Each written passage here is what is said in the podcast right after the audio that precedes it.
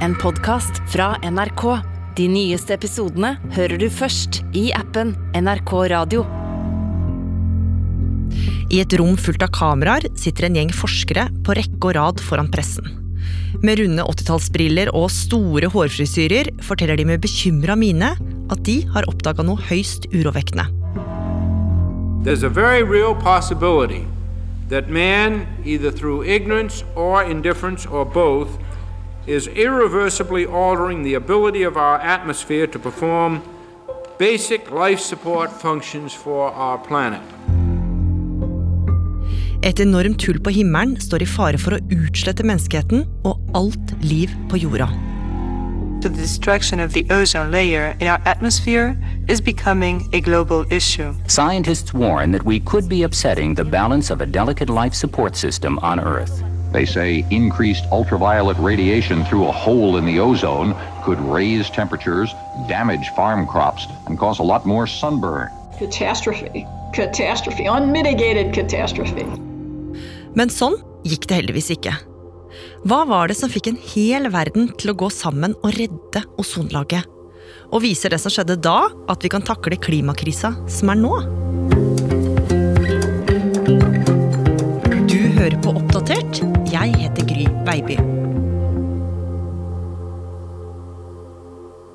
Vil jeg, Gry, at du lener deg tilbake, lukker øynene og tenker at året, det er 2050. Og du sitter ute i parken med noen venner, og det er sterk sol, og du har smurt deg skikkelig godt med solfaktor 100. Men likevel så blir huden din skikkelig rød og svidd. Og selv om du er ganske ung, så har du allerede begynt å få ganske mye rynker. Og faren for kreft og antallet krefttilfeller i verden har skutt i været de siste årene. Og ja, alt liv rundt deg det holder rett og slett på å tørke helt ut, fordi at jordens solbeskytter, ozonlaget, det har nemlig kollapset. Åh, det hørtes svært ut. Ja, for nå kan du åpne øynene igjen, og så kan vi heldigvis si at huff, sånn gikk det ikke. Men dette scenarioet kunne faktisk vært virkeligheten vår nå om ikke så veldig lenge. Tiril Mettesdatter Solvang, du er journalist her i Oppdatert og har jobba mye med klima. Og nå har du sett på en sak som mange har hørt om før, nemlig at det for noen tiår tilbake ble oppdaga et hull i ozonlaget. Hvorfor lot du deg fenge av denne saken? Altså Vi hører jo nesten daglig om alle mulige nyheter innenfor klima, og dessverre så er jo disse nyhetene som regel ganske dystre. Hete somre og flom i Pakistan det er jo bare to eksempler fra de siste månedene. Og når det gjelder klima og natur, så har jo mennesker gjort mye dumt. Men én ting, det klarte vi i hvert fall. Og det var rett og slett å redde dette hullet som plutselig hadde åpnet seg i himmelen i ozonlaget. Ja, for hadde vi ikke klart det, så hadde jo det fått konsekvenser for hele verden. Men hvordan oppdaga vi i det hele tatt at det var et hull i ozonlaget? Jo, da må vi først ta turen tilbake til seint på 70-tallet. Inne på et lite og støvete kontor på forskningsinstitusjonen British Antarctic Survey i Cambridge, der satt det en litt nerdete fyr som het Jonathan Shanklin. Og Shanklin han var meteorolog og forsker, og likte å følge med på data og statistikk over alt mulig av vær og vind og temperatur som skjedde ved målestasjonen de hadde utplassert i Antarktis, eller Sydpolen. da. Men den siste tiden hadde Shanklin begynt å legge merke til noe som var litt pussig. På dataskjermen hans så hadde det nemlig begynt å komme meldinger om at verdiene av gassen ozon, som finnes oppe i stratosfæren, altså midten av atmosfæren vår, denne gassen hadde begynt å gå ganske mye nedover. Og Shanklin han klødde seg godt i hodet, for dette hadde han aldri sett før. Og for å være sikker og undersøke dette mer, så tok han disse føene med til sjefene sine. Og sjefene til Shanklin de sto òg og så like uforståelig på dette som han. De snakket og diskuterte litt, men endte opp med å trekke på skuldrene og konkludere med at det måtte være noe feil med målingene. Rett og slett fordi at verdiene av ozon ja, de hadde sunket for fort og for plutselig til at dette kunne stemme. Så Shanklin han måtte jo bare gå tilbake på kontoret sitt. Men han klarte jo ikke å legge dette urovekkende funnet bak seg, Tiril, for han så jo at målingene de fortsatte å si det samme. Det ble mindre og mindre ozon over Antarktis. Ja, nå var Shanklin blitt ganske sikker på at tallet han fikk inn, de kunne ikke være feil. Og dette det måtte bety at det heller var oppe i ozonlaget at det var noe som ikke stemte. Så Shanklin han bestemte seg for å gå videre med saken, og han tok kontakt med flere forskerkollegaer for å få hjelp til å grave mer i disse litt snodige tallene han fikk inn. Og ganske fort så skulle disse forskerne oppdage noe ganske oppsiktsvekkende. Ja, absolutt. For de fant ut at midt over det iskledde Antarktis så var det oppstått et enormt hull i ozonlaget. Og dette hullet det var på størrelse med hele Storbritannia og hadde i løpet av veldig kort tid mistet hele en tredjedel av tykkelsen sin. Ganske dramatisk. Ja, det var ganske dramatisk. Så dette funnet det publiserte Schenklin og noen andre forskere i en ganske stor artikkel. Og den artikkelen skulle sende sjokkbølger gjennom en hel forskningsverden. Ja. Og nå var det flere enn Shanklin som ble rimelig svett. For forskerne de visste jo at ozonlaget det var essensielt for alt liv på jorda. Ja, uten ozonlaget så ville verden rett og slett vært ulevelig.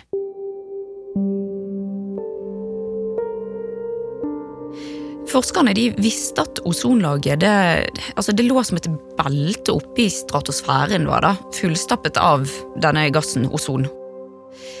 Og um, ozon det hadde den egenskapen at det kunne absorbere ultrafiolette stråler fra solen, såkalte UV-stråler, og beskyttet jo da alt liv på jorden mot sol og denne ekstreme varmen. Så ozonlaget funket jo litt som jordens solkrem, da, kan man eh, si. Så oppsummert uten ozonlaget så hadde vi blitt eh, ganske solbrent, rynkete, full av kreft og veldig sulten fordi at alle jorder og alt dyrkningsgrunnlag det hadde jo tørket helt ut. Ja. Så bare tanken om at dette ozonlaget kunne forsvinne, det var jo ganske krise. Men selv om Shanklin og de andre forskerne nå hadde oppdaga hullet, så skjønte de jo fortsatt ikke helt hvorfor det hadde oppstått. Nei, og dette hullet ble jo bare større og større i tillegg, og dette skapte jo full furore i forskningsverden. Each spring over Antarctica, a hole in the ozone develops, and it has been getting larger year by year. To date, as much as 50 to 60% of the ozone in this area has been lost. Så forskerne de bestemte seg for å dra til Antarktis. De pakka ullvotter, boblejakker og måleutstyr, og satte seg i helikopter i full fart på vei til islandskapet. Og her, blant snø og pingviner, så delte de seg opp for å gjøre så mange målinger de bare kunne. Noen forskere de blåste opp sånne store ballonger som ble sluppet opp i luften for å måle ozonet, mens andre forskere de boret eh, ned i isen og gjorde målinger på bakken. Alle var i hard jobb for å komme til bunns i nettopp hvorfor ozonlaget rett over hodet på de stadig ble tynnere og tynnere. Og den harde jobbinga den viste seg å gi viktige svar, og ikke så lenge etter funnet i 1985 så forskerne seg nødt til å varsle resten av verden. Da satt flere forskere seg alvorstunge ned foran pressen som hadde møtt opp. De hadde mikrofoner og bunker med papirer plassert på bordet foran seg. Så begynte de å lese opp foran hele verden hva de da mente var årsaken. Og hva var det? Det var egentlig oss mennesker. Eller rettere sagt noe vi likte å bruke og meske oss godt med på den tiden her. For var det noe som var inn på 80-tallet, i tillegg til sterke farger, Pac-Man og kreppet hårsveis, så var det såkalte KFK-gasser. Industrien beskriver KFK-gassene som en vidunderlig oppfinnelse. De er ikke giftige, ikke eksplosjonsfarlige, og de har hjulpet oss til et mer behagelig og lettvint liv. Og dette det var eh, et stoff som det var mye av i alt fra hårspray, eksempel, som var en skikkelig 80-tallshit, og eh, til eggekartonger, kjøleskap, aircondition, rensemidler og alt som var lagd av skum, som isolasjon som ble brukt i vegger. Ja, så de var egentlig overalt. Ja, men på bakken så var ikke disse stoffene farlige. Men når folk sto på badet for å style permanenten sin med hårspray, og KFK-gassene herfra svevde opp i atmosfæren, så fikk de en kjemisk reaksjon som gjorde de om til klorgasser, og dette ødela da ozonet i ozonlaget. Ja, men det var jo mer enn det her forskerne hadde funnet ut. Ja, for de fortalte at i tillegg så hadde også disse KFK-gassene en levetid på rundt 100 år. Så de ble jo værende kjempelenge oppe i atmosfæren før de forsvant. Hmm. Og eh, dette poenget med at KFK-gasser kunne være skadelige, det hadde noen forskere allerede studert på 70-tallet, men det var jo først nå det ble tydelig i hvilket omfang dette faktisk kunne gjelde. da. Så ikke bare frykta forskerne at gassene kunne komme til å ødelegge ozonlaget, men de advarte jo også om at nå hasta det å gjøre noe. Ja, for hvis menneskene skulle fortsette å bruke KFK-gassene i dette tempoet som hadde vært frem til da, da forventet de at nye hull ville oppstå ulike steder i verden, og etter hvert så ville KFK-gassene ha spist opp ozonlaget vårt innen 2050. Så verden var rett og slett på vei mot en enorm katastrofe. Og bare tanken på at vi i framtida var garantert å få hudkreft når vi var ute i parken, omgitt av døde trær, så ble dette forskningsfunnet en skikkelig vekke for mange. De livsfarlige ultrafiolette strålene fra sola vil drepe alt liv dersom ozonlaget blir borte.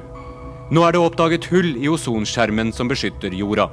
Hullene skyldes kjemikalier som brukes til produksjon av eggkartonger, kjøleskap og spraybokser.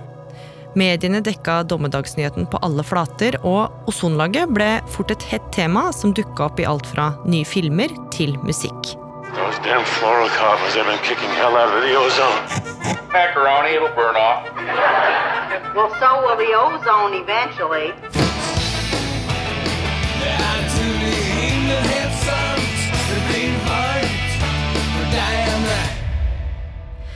Og folk var jo ganske rådville, for vi var jo avhengig av å kunne bruke både kjøleskap og isolere husene våre, Tiril. Ja, så nå ble det jo lagt et stort press på myndighetene og lederne verden over. Altså, hva skulle menneskene gjøre, og hvordan skulle vi erstatte disse nyttige, men totalt ødeleggende gassene?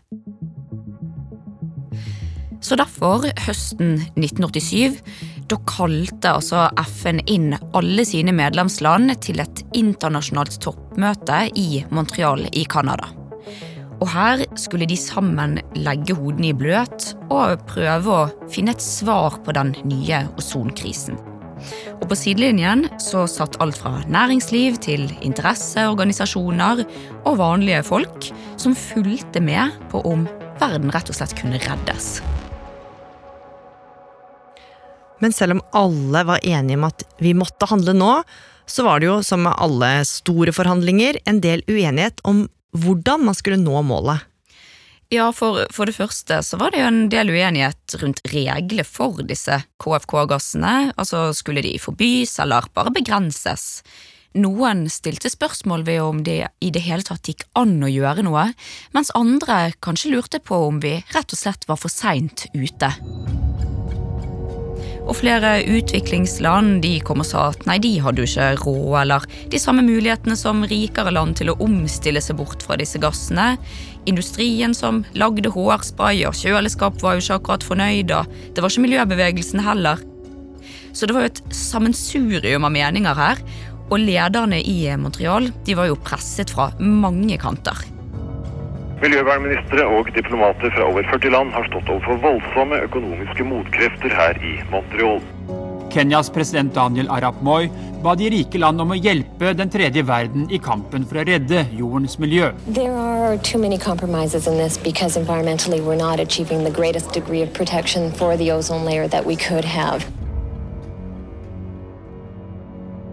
Men etter lange dager og seine kvelder så kunne verdenslederne omsider stille seg foran pressen og fortelle at de hadde kommet fram til en løsning.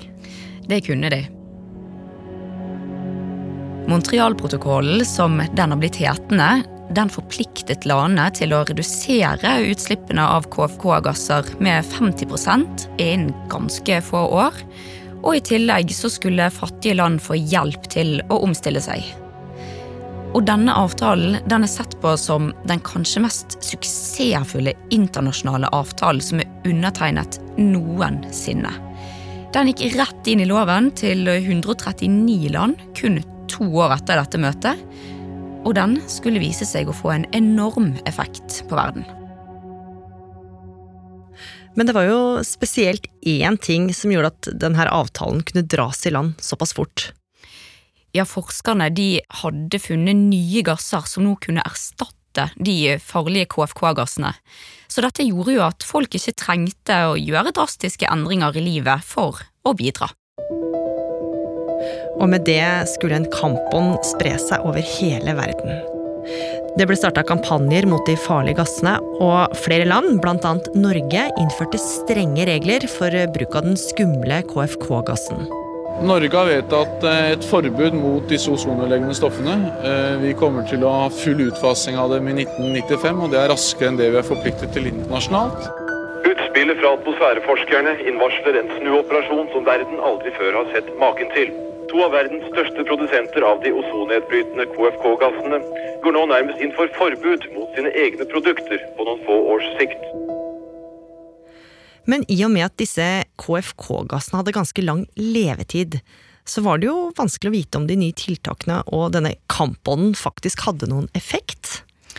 Ja, det var jo det, men folk de holdt motet oppe likevel. Barn kjeftet på foreldrene sine når de brukte hårspray, og så var det òg denne Blekkulf-kampanjen, som kanskje noen husker, som handlet om miljøvern, men òg om å redde ozonlaget. Og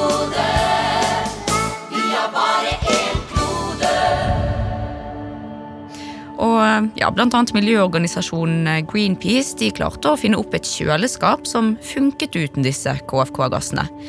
Så hele skalaen av samfunnet, fra liten til stor, de var med på å prøve å redde jordkloden. Og i mange, mange år, gjennom hele 90-tallet, så så man ingen effekt av den store handlekraften, fordi det jo tok lang tid før KFK-gassene forsvant. Men dugnaden den ble holdt gående, og så, litt ut på 2000-tallet, så skulle all den harde jobbinga gi resultater, Tiril. Ja, for da skulle det jo vise seg at all denne handlekraften, som òg hadde skjedd på så kort tid Altså tenk at det gikk egentlig bare litt over fem år før en hel verden nesten var snudd på hodet. Altså, all denne jobben, den funket.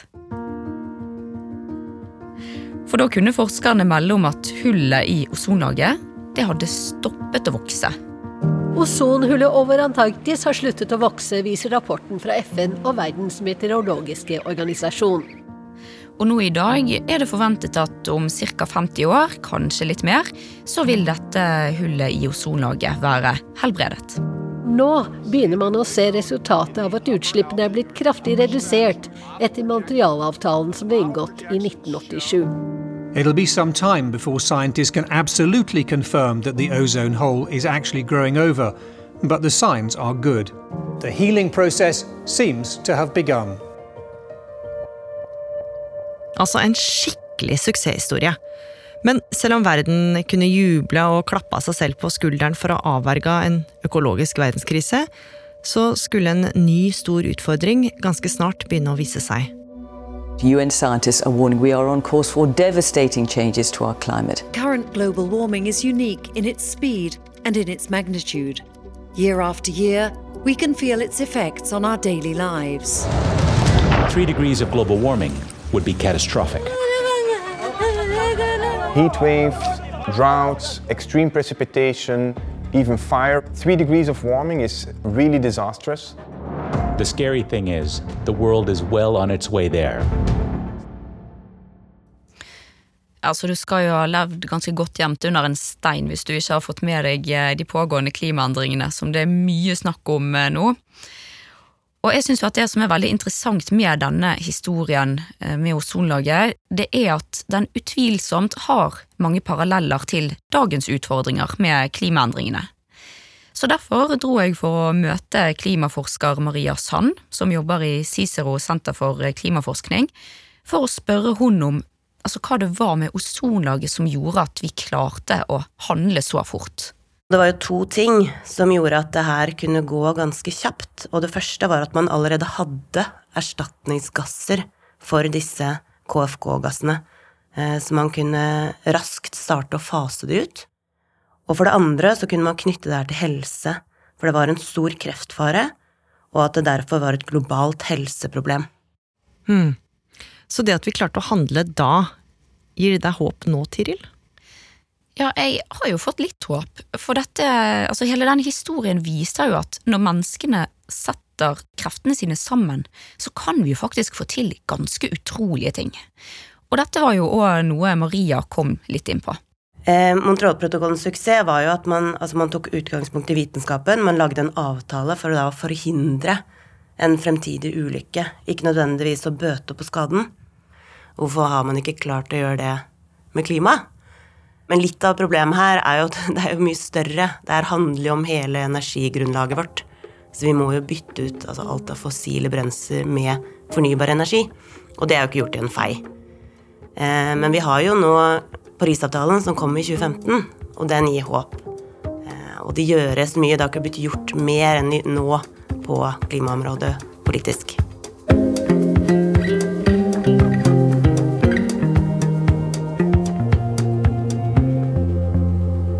Oppdatert er en podkast fra NRK Nyheter, og denne episoden den ble laga av Tiril Mettesdatter Solvang. Andreas Berge. Og meg, Gry Veiby. Programredaktør er Knut Magnus Berge. Klippene i denne episoden var fra CBS News, NASA, BBC, Vox, C-SPAN, The Economist, CNRS, WorldNet og NRK. Har du tips eller innspill, så må du gjerne sende oss en e-post på oppdatert krøllalfa nrk.no. Og tips gjerne en venn om oss om du liker det du hører. Roger Olsen!